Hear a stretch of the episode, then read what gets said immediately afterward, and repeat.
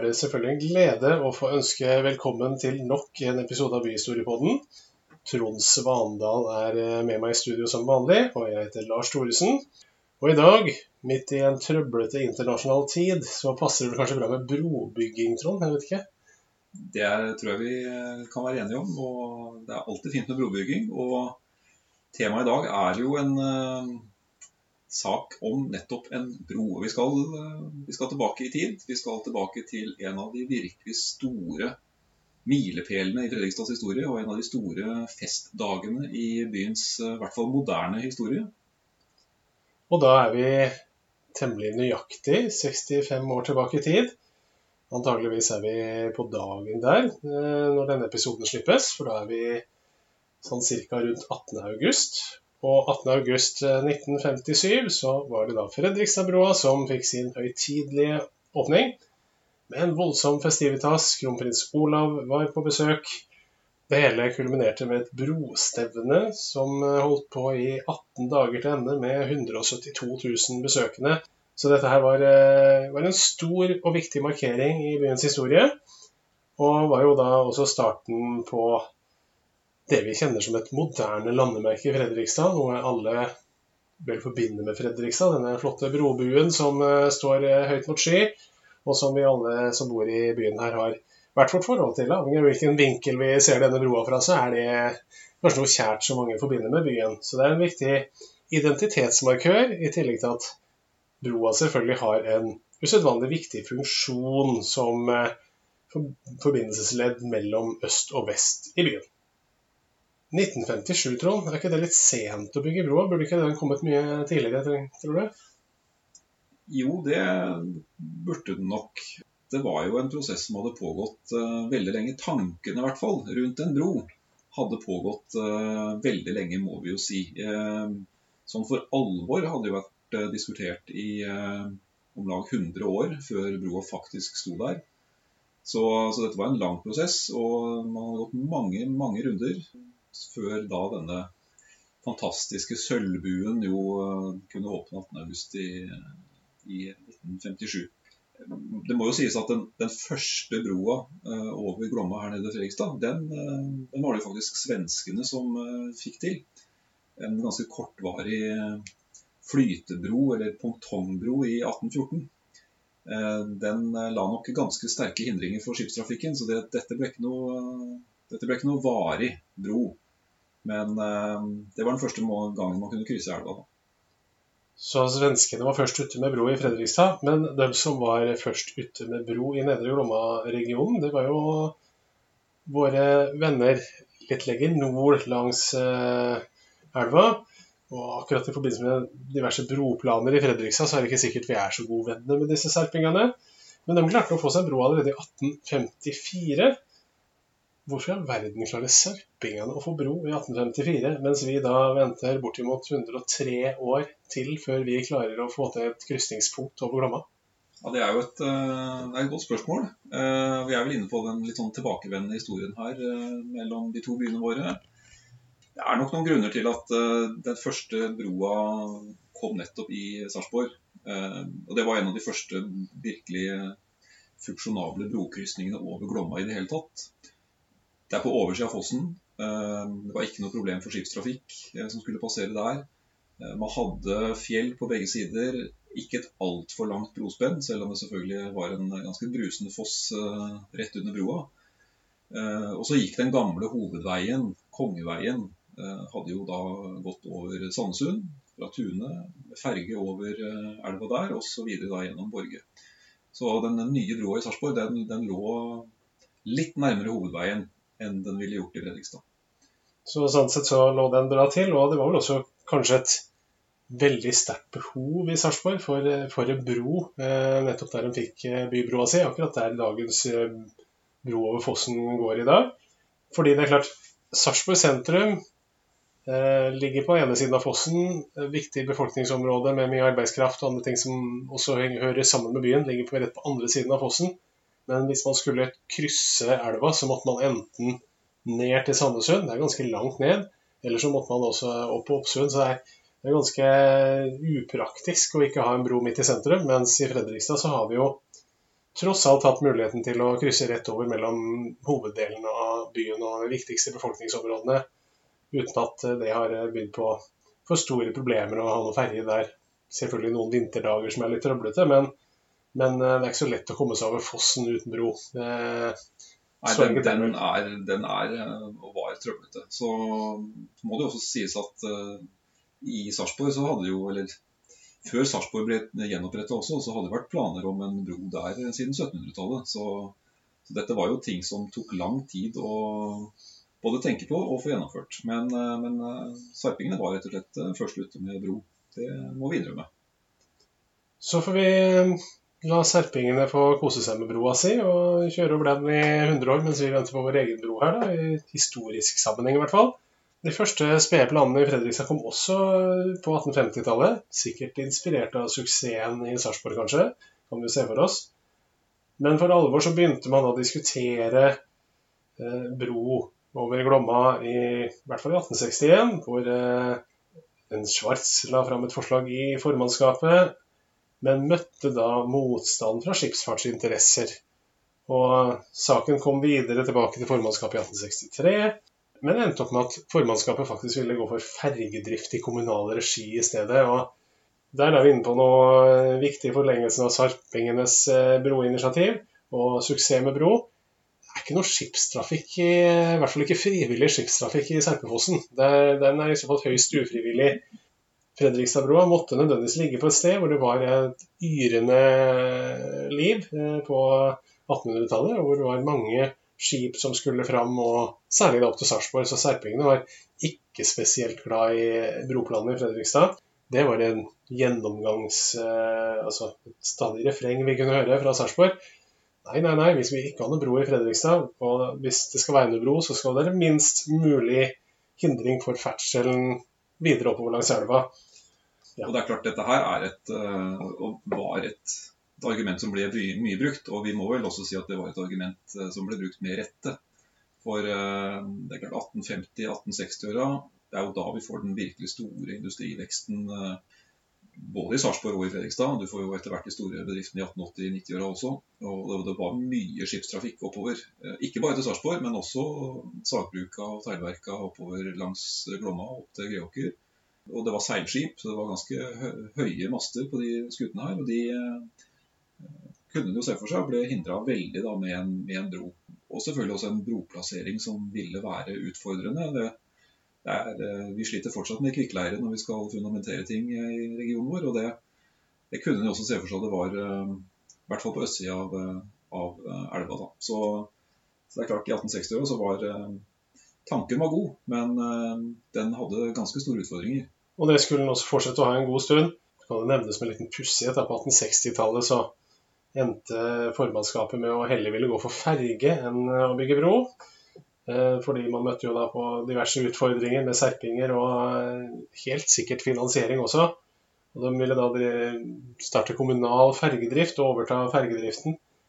Men da kom man i konflikt med denne fergeeier Sandersen som drev fergested i kommunen, og som faktisk eide fergested, hadde sunnrett.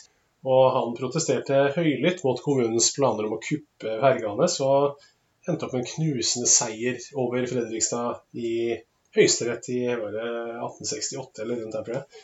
Så dette var en sak som fikk etterspill, og det var noen skandaler i den offentlige forvaltninga og også i tidligere tider. Det var ikke alle beslutninger som var like veloverveide da heller. Så også litt sånn pust av eh, tidligere tider hvor eh, deler av eh, vei- og samferdselsnettet var i privat eie. Det fremstår litt pussig i dag, men, men, men, det var det altså. 1863 var det siste virkelige initiativet for bro i Fredrikstad før man kom ut på slutten av 1870-tallet. Og da er det egentlig den skinnegående trafikken som trigger en ny brolyst i Fredrikstad. Eh, for da kommer smålensmannen. Eh, altså jernbanen kommer til Fredrikstad, og man eh, begynner å gjøre seg noen tanker om man kanskje kunne få en bro, og også kombinere dette med jernbanebro.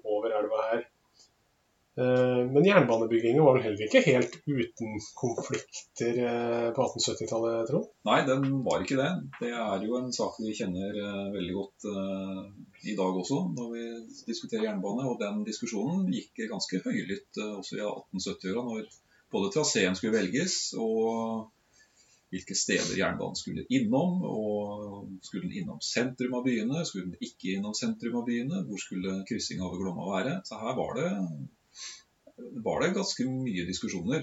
Eh, det må også sies at eh, det tok ikke så mange år før jeg begynte å diskutere til Stortinget vedtok jernbanen. Så, så de fikk nå gjennomført det. Men, eh, men, da var det også planer om å kanskje få til en bro i Fredrikstad og ha jernbanekrysninga her. Det er klart Jernbanen var jo en, en stor revolusjon også i eh, transport- og samferdselsnettet her i regionen vår. Så det å få jernbanen til seg sjøl var viktig. Men det ble ingen jernbanebro i 1870-åra i Fredrikstad. Det ble det ikke. Eh, og det ble heller ingen rett linje. Og må si at når vi ser på utbygging av Smålensbanen på 1870-tallet, så kan vi vel si at aksjonen rett linje er jo bare så 1870, eller hva vi ville sagt i moderne termer. For det er, ikke noen ny tanke at man skal uh, velge en litt rettere linje mellom, uh, mellom, byene. Nei, det er det ikke. Det var jo også en, eh, må vi si, en, en litt, også, kanskje litt vidløftig idé da, om en tunnel under Glomma vidløftig, men kanskje med et visst eh, internasjonalt snitt da, med inspirasjon. Man hadde jo visstnok fått inspirasjon fra den nye tunnelen som da ble bygd i Göteborg. Og tenkte at kanskje dette her også kunne være noe for, eh, for Fredrikstad. Det er flere ganger også i forhold til Kråkerbrua at det faktisk eksisterer forslag om tunnel også. At man prøver å utrede det og finne litt ut om det er mulig. Så tunnel, det vurderer man jo. Men det blir heller ikke noe? Nei, det blir jo heller ikke noe av det. og vi kan vel anta at det er en del eh, Sikkert en del flere tanker innimellom her om eh, bro, at det stadig vekk er et tema man kommer tilbake til også i den kommende åra. Men det begynner først å bli litt ordentlig schwung over sakene og litt eh, tempo, ja, i den grad man kan kalle det tempo, på utbyggingsplanene når vi kommer fram til midten av 1920-åra. Da er det en byplankomité som trår i kraft, og som da begynner å vurdere Eh, forskjellige sider ved utbygging av Fredrikstad. og Både samferdsel og boliger og industri og andre ting som man da setter på programmet. Og dette er jo kan vi vel ikke si at var tilfeldig. Det var jo eh, etter en periode med ganske voldsom befolkningsøkning i Fredrikstad. Altså Hvis vi ser fra 1860-åra fram til 1920, så, så, er det en helt annen by. Eh, og rett før og under første verdenskrig så får vi også den store industriveksten på Øra-området sør for Garnebyen. Eh, og denne byplankomiteen og i hvert fall de planene som blir lagt, er jo for en, egentlig en helt ny by på østsida. Ganske store planer også, ganske vidløftige? Veldig vidløftige planer. Eh, ble så smått begynt. Jeg begynte i hvert fall å plante noen trær utover på Øra for å få ganske store avenyer som var tenkt å gå gjennom her. Men det rant jo litt ut i sanda, det også Det ble i hvert fall ikke så stor utbygging som man eh, kanskje hadde sett for seg i sine villeste fantasier her. Men i det så var det jo viktig med en brokrysning. Eh, ja. og for å binde byen sammen. Så den, den, ideen ble jo i hvert fall sådd eh, Vi kan vel kanskje si at den, den, ble ikke sluppet igjen etter det. Selv om det skulle ta noen år. Det tok noen år, men her er det en sånn forholdsvis sammenhengende bevegelse fram mot den endelige broa. Selv om byplankomiteen i og for seg starter arbeidet sitt i 1925, så 1957 eh, Det er godt å være 30 år det, før eh, den broa faktisk er eh, endelig ferdig her. Det tar sin tid. Litt det gjør litt det i dag òg, da. Ja, det er ikke sikkert vi er i live når det kommer bro på Torp, Trond. Jeg ville ikke satt alle pengene mine på det ennå. Jeg vet ikke. Kan, vi kan drøye litt med veddemålet. Det kan vi kanskje gjøre. Men at det er et behov for mer brokapasitet over Glomma, det kan vi vel kanskje Såpass politiske kan vi være. Det er vel ingen politiker i Fredrikstad som ikke vil ha en ny bro over Glomma. Der tror jeg vi er ganske enige, alle sammen. Men eh, 1925, byplankomiteen er i gang. Eh, det kommer eh, bl.a. et litt eh, pussig forslag om en slags svevebro, altså en fergebro. En merkelig løsning fra et eh, fransk firma eh, som eh, havnedirektør Smith eh, ivrer for. Eh, virker ikke som om byplankomiteen ivrer like mye for det som han. De det er som blir skrinlagt ganske fort. Og så henter man inn en ny sakkyndig som eh, starter jobben sin her, en ingeniør fra Strinda som heter Halvard Grytnes. Og han ble, fikk vel tittelen spesielt brosakkyndig.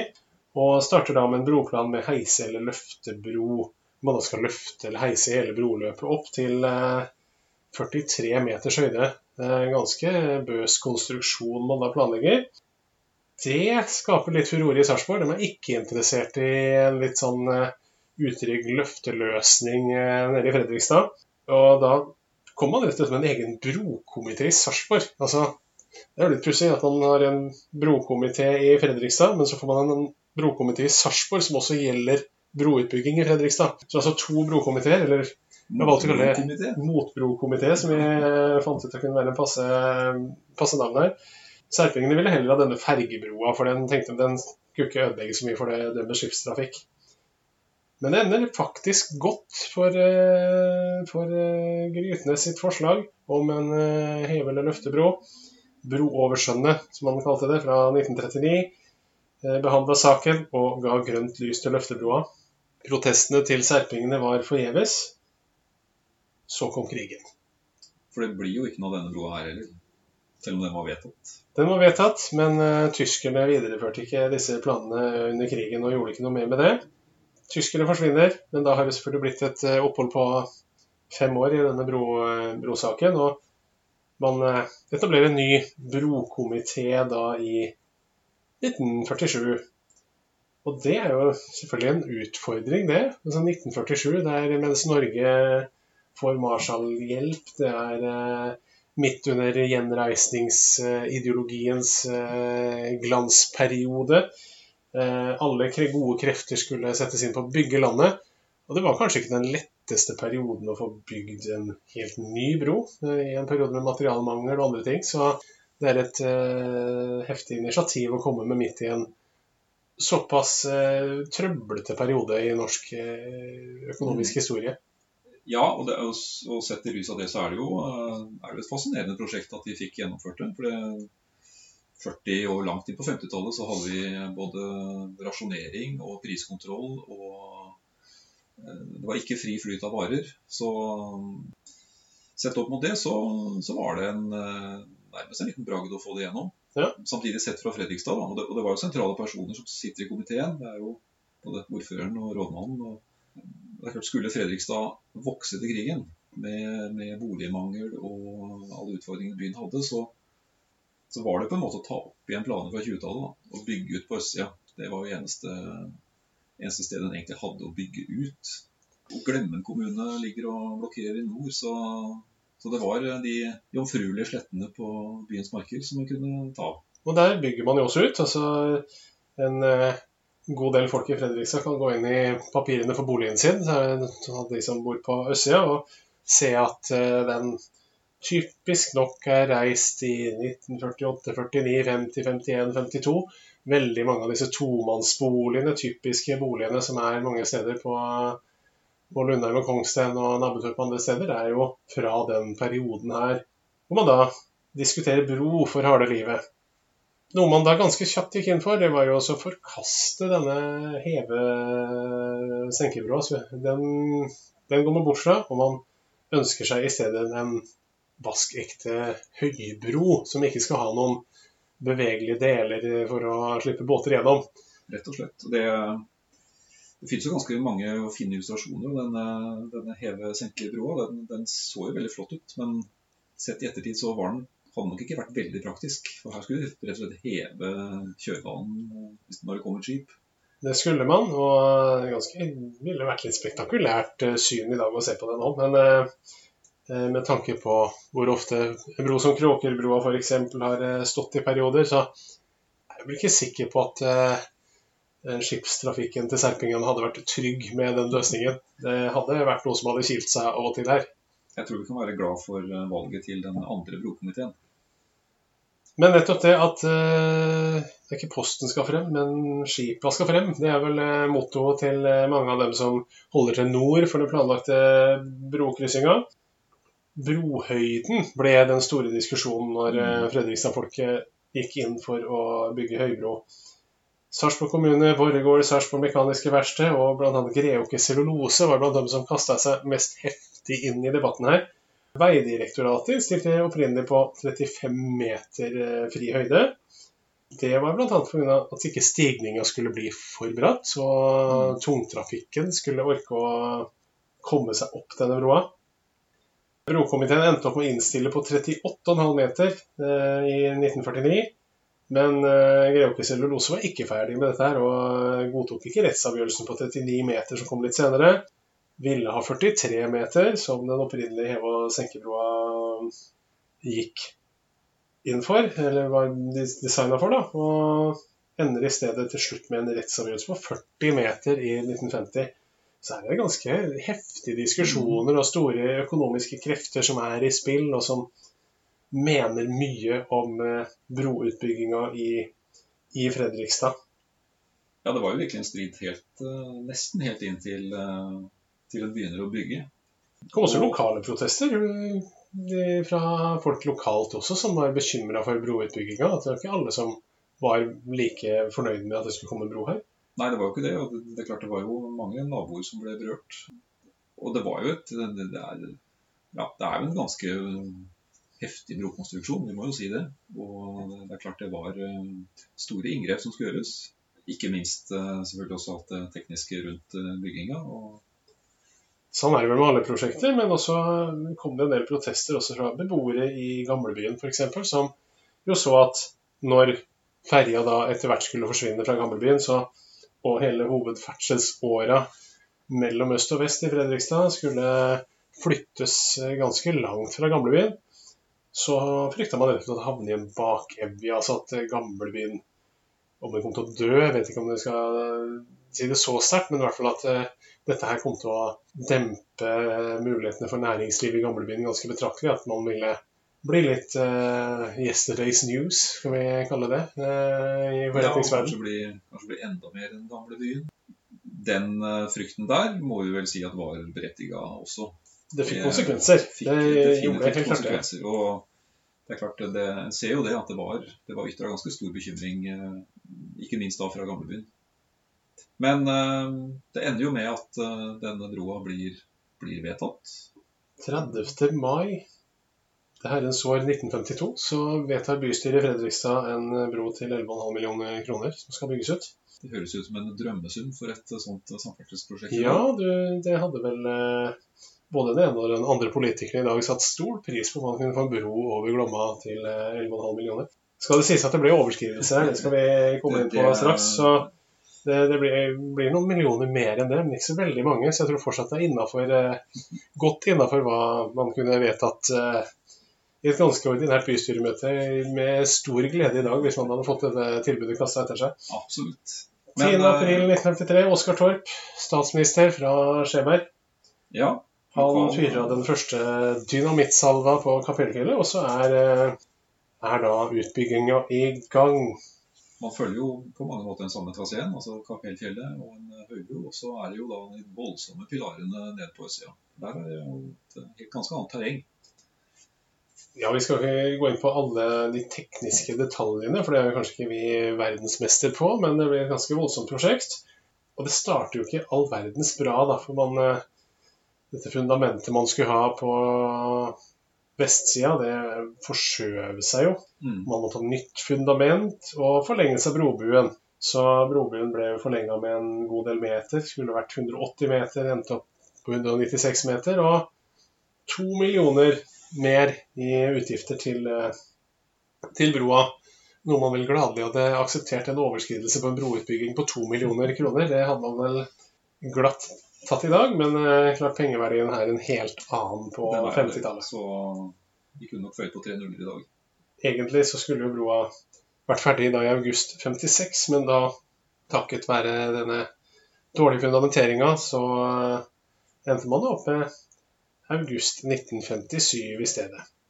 Fredrikstad kommune havna delvis i en uh, konflikt med entreprenør selv mellom denne hvem som skulle ta si, æren for uh, denne ekstraregninga. Uh, stadig vekk noen konflikter med disse utbyggingene. Bygginga ja, går jo kanskje ikke fort da, når man først kommer i gang, men det tar jo sin tid med et stort prosjekt. 19.12.1956 så møtes øst og vest i brospennet, mens grunnstenen da litt senere, samme måned, 22.12., ble murt inn i en av disse pilarene på Østgjerd, eh, av ordfører Gundersen. Her eh, begynner man å se en ende på dette her. Men det tar ennå litt tid før broa er helt ferdig. Jeg vet ikke den første fotgjengeren eh, over broa. Hvem er det, Trond? Du Ja, det er jo en, også en litt artig og halsbrekkende historie. Det, han har vel fortalt det sjøl. Det det første som, som gikk over eh, Da vel å merke ikke på veibanen, men eh, over buen. Skal ha vært en eh, ikke ukjent Østjagutt ved navn Egil Olsen. Egil Olsen, Og Jason Drillo. berykta og berømt. Litt berykta kanskje fordi de tok litt sjanser og var jo litt gærne. Tok gjerne en utfordring som kanskje var litt, litt over det vanlige. Det må vi vel si at det å gå over buen med i beste fall et lite tau eh, Ja, som sikring eh, ikke var eh, Det var ganske halsbrekkende. det var eh, det var noen trinn til arbeiderne oppå den buen ganske godt stykke opp. Men akkurat på toppen av buen, sånn 70 meter over vannflata, så er det da ikke trinn. Men et tau man da kan i og for seg få holdt seg fast i mens man balanserer på toppen av denne brobuen. Og Drillo han skal vel ha tatt initiativ overfor sin eh, kameraten som var med over brobuen der, og til å sette seg ned og se på utsikten. Her var det fint, liksom. Men eh, kompisen hans var ikke like happy det. Han ville ned. Han hadde fått helt skrekken opp i vinden der, så de kom seg nok ned eh, jo før jo heller. Og noen skal vel ha, ifølge Drillo, ha prøvd å sette ut et rykte om at eh, de ikke gadd å betale ferjebilletten, og derfor gikk de stadig vekk over denne broa. Men det ble med den ene kryssinga, for um, vel var de gærne. Men eh, det var vel kanskje litt i overkant, Jeg innså det kanskje da de var oppe der begge to, vil jeg tro. Vi har vel sykla over broa begge to, eh, vi også, så vi kan blåse ille nok der på veibanen. Når det ikke skulle vært noen, eh, enda noen titalls meter opp. Ja, nei, det kan Jeg krysser stadig vekk broa. Jeg vil oppfordre alle som skal på Øra til å sikre lasta si bedre. For du ser når det har vært eh, mange folk på Øra på en lørdag, da, da har det blåst av en del ting på hengerne der. og Drillo blåste heldigvis ikke ned, eh, så han fikk en eh, strålende karriere og lokal og nasjonal heltestatus senere. Så det var godt det gikk bra. Det var vel ikke garantert at det måtte gjøre det. Men, men. Drillo fikk eh, være en av kanskje den første som gikk over broa. Det er i- viste seg å være et stort behov for at mange skulle komme over her. Enorm trafikkøkning i åra før broåpninga. Jeg har blitt hevda at det var Norges eh, mest trafikkerte bilfergeforbindelse. Og det, det var nok det. Eh, det var en eh, enorm økning, selv om, selv om jo privatbilismen ikke hadde tatt helt av. Det var fortsatt rasjonering på biler på 100-tallet, men det, det var en kraftig trafikkøkning. Og det jo, eksisterer jo en del bilder av disse køene, ferjekøene som man i åra før broa kom. Og det var nok eh, litt frustrerende kødannelse i perioder på begge sider av elva. At man måtte stå langt inn i byen på vestsiden og tilsvarende eh, inn i gamlebyen på motsatt side. eh, Og vente mye på ferje. Det tok sin tid i de mest travle periodene å komme seg over, så broa var nok svært nødvendig. Vi har allerede nevnt at åpninga var i august. 18. august 1957. Uh, Kronprins Olav var her, og eh, kong Haakon døde jo senere i 1957. Så derfor han var syk, så da var det kronprinsen som var her og åpna, åpna broa. Eh, han, Med kongeskipet. med kongeskipet og full pakke skal han også ha vist eh, stor interesse for, eh, for Kråkerbrua idet han eh, seilte den veien, visstnok. Og var veldig opptatt av å beskue maskineriet og sånn fra sjøsiden, eller fra elvesiden da han dro gjennom der. Så han viste stor interesse for disse nyvinningene i Fredrikstad og var, eh, var aktivt eh, til stede i det som skjedde. Stor festivitas. Skolene er første gang det har vært skolestart for en del skoler i Fredrikstad på en søndag, men det er mange guttepjokker og jenter som her kan fortelle om eh, hvordan de da var med skolene sine oppe på broa til denne høytidelige åpninga. Så var det en kjempebegivenhet for byen med utallige tusener mennesker som eh, deltok på den åpninga. Det er nok, eh, Vi kan nok trygt si at det var en av de virkelig store festdagene i Fredriksstads historie. Helt klart. Og hvis man går inn og ser på det som også skjedde på dette brostevnet Det høres jo litt sånn bare et brostevne, men tenk deg byjubileum. altså Mange har jo også minner fra gamle Fredrikstad-messa. En eller annen sånn miks av dette her. Eh, og, og, den var jo på Den foregikk jo flere steder. altså Det var ting som skjedde både i gamlebyen og, og dette svære messeområdet som, som lå der Kongsstenholm eh, senere ble bygd, eh, under Kongsten fort. Dette var kjempestort. Underholdning med riksartister på kveldstid. altså Dette her var en lang festival også, på en måte. altså Dette var en, var en kjempebegivenhet. Eh, antageligvis eh, den største begivenheten av den typen som har vært noen gang i Fredrikstad i forbindelse med denne broåpninga. Forrige byjubileum i Fredrikstad er jo helt tilbake i 1917. Byjubileet i 1942. Det gikk jo fløyten pga. tyskerne. Eh, så dette her var jo den første virkelige byfesten i Fredrikstad på, på ganske mange år. Det var jo det. Og her benytta jo også byen muligheten som bød seg, og virkelig lagde byfest. og det satte Fredrikstad på kartet også nasjonalt sett. For dette var jo, mange av disse store byjubileene i de større byene var jo, ble jo også på en måte nasjonale begivenheter som ble dekka av rikspresset, og som fikk mye omtale. Og Det er klart det viste jo også da at vi må vel da si regenten, eh, kronprins Olav, eh, kom. Og det, det satte jo selvfølgelig også et, et ekstra nasjonalt preg på hele feiringa. Veldig høytidelig opplegg, dette her. Ok, broa åpner. Hvilke konsekvenser får denne broåpninga, denne nyvinninga på trafikkfronten i Fredrikstad? Hva, hva, skjer med samfunnet vårt når vi får denne broa? Den har jo hatt en enorm betydning for, for byen. Det er jo første gang du virkelig kunne binde de to delene, østsida og vestsida, sammen. Eh, og så er det klart helt, helt konkret eh, så fikk den jo eh, som konsekvens at bilfergedrifta ble nedlagt. Det ble jo fortsatt passasjertrafikk, altså persontrafikk, fergested fra gamlebyen til Sissenjong, men, men bilferga var historie. Og biltrafikken forsvant jo i stor grad fra gamlebyen, altså gjennomfartstrafikken. Og det er klart den bekymringa som hadde vært før broåpninga, og særlig da fra, fra, næringslivet i gamlebyen, om butikkdød og næringsdød, den, den var jo ikke helt ubegrunna. Og det så en også, at det, det, ble jo ikke det samme næringsgrunnlaget der. Nei, det har vært en lang historie, det om hva som skal skje med næringslivet i gamlebyen. Hvordan holde liv i gamlebyen. Det er jo fortsatt et tema som er høyaktuelt i dag. Eh, men de hadde i hvert fall Forsvaret det hadde vi jo. Så Forsvaret var jo til stede fram til 2002. Så alt var jo ikke borte. Det var jo fortsatt mye aktivitet i gamlebyen. Men, men det ble en ny type aktivitet der nå kanskje gamlebyen for alvor bygges opp som turistattraksjon. Eh, graden av ferie som man får i dette norske samfunnet vårt, det blir jo større. Man begynner å få mer fokus på hvor man skal dra, hva man skal gjøre, hva man skal oppleve. Det er, er stadig i utvikling. og Gamlebyen som turistattraksjon, Fredrikstad som turistdestinasjon, etter hvert med både Så Det kommer jo eh, campingplasser og moteller og ting også rundt på østsida eh, som eh, skal bidra her. Eh, det er noe av den utbygginga som faktisk kommer, selv om det er, er langt unna den vidløftige planen man egentlig hadde. Eh, om kjempesupermarkeder, det var ikke grenser hva man skulle ha. Eh, I tillegg til mye annen utbygging. Så kommer da turistattraksjonen Gamlebyen i gang. Også håndverksbyen, kunstnerbyen Gamlebyen kommer vel for alvor i gang?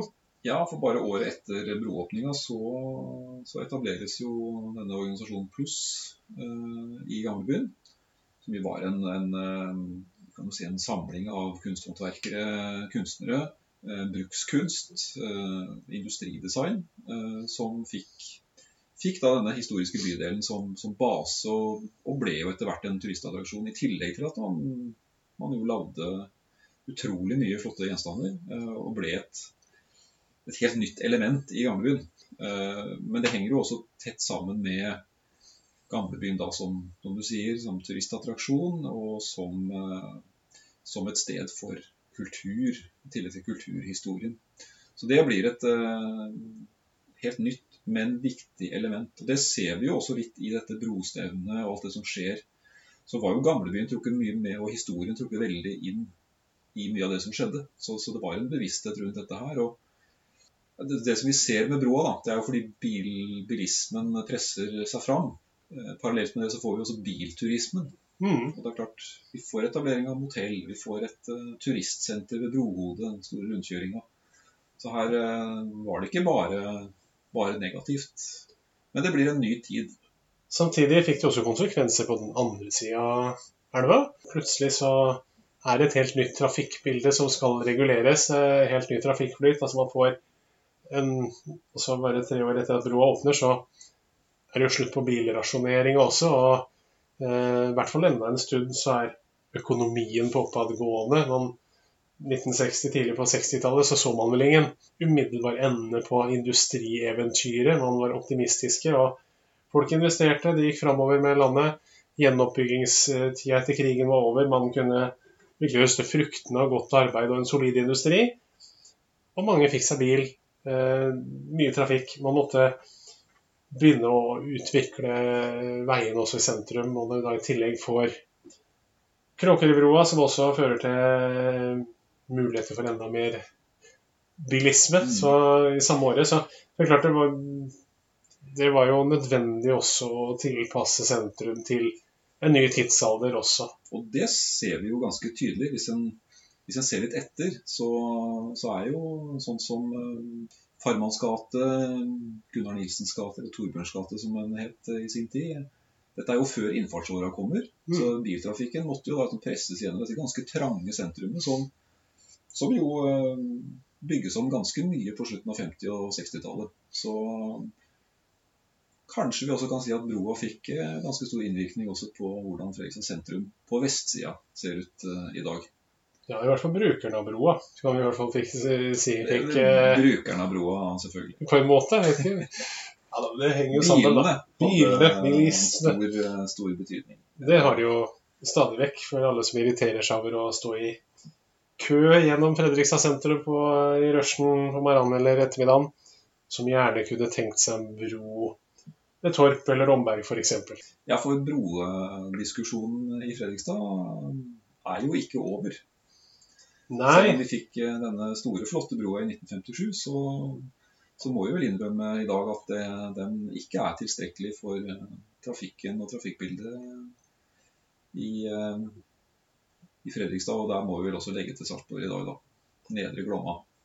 kunne jo kanskje vært en litt annen trafikksituasjon i Fredrikstad om ikke disse serpingene hadde klart å kuppe E6-en. da. Det var jo snakk om å få en eh, rett linje på E6-en, som da Man begynner å snakke om E6-en utover 60-tallet. og Noen drømmer om å få den innom Fredrikstad, men skjønner jo at det er ganske vanskelig, nær sagt umulig, å legge det innom Fredrikstad sentrum.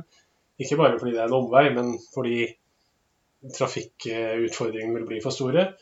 Fagmyndighetene går vel egentlig inn for en eh, skal vi si, rett linje over Ålsøy, altså Torp Omberg, området der, hvor man planlegger bro i dag.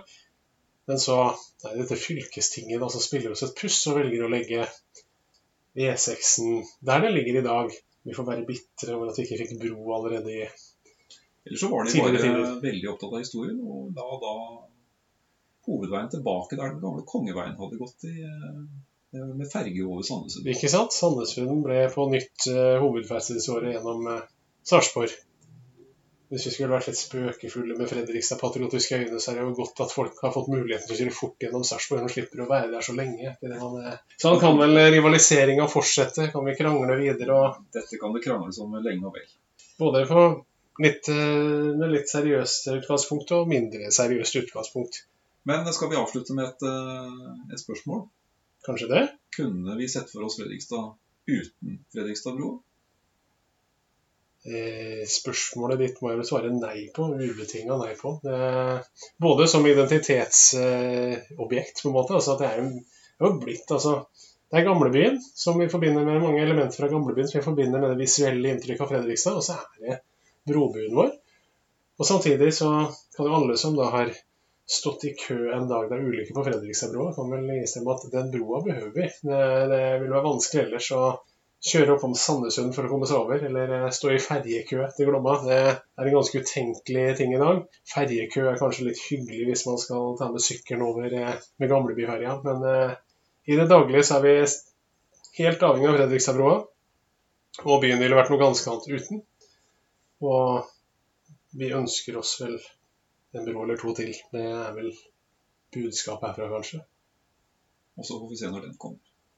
Jeg er ikke sikker på at vi bør rydde plass i sendeskjemaet vårt de neste, nærmeste åra til eh, det er ikke historien om den broa, Trond. Så det tror jeg vi kanskje aldri får Den episoden får vi aldri lagd, kanskje. Jeg vet ikke.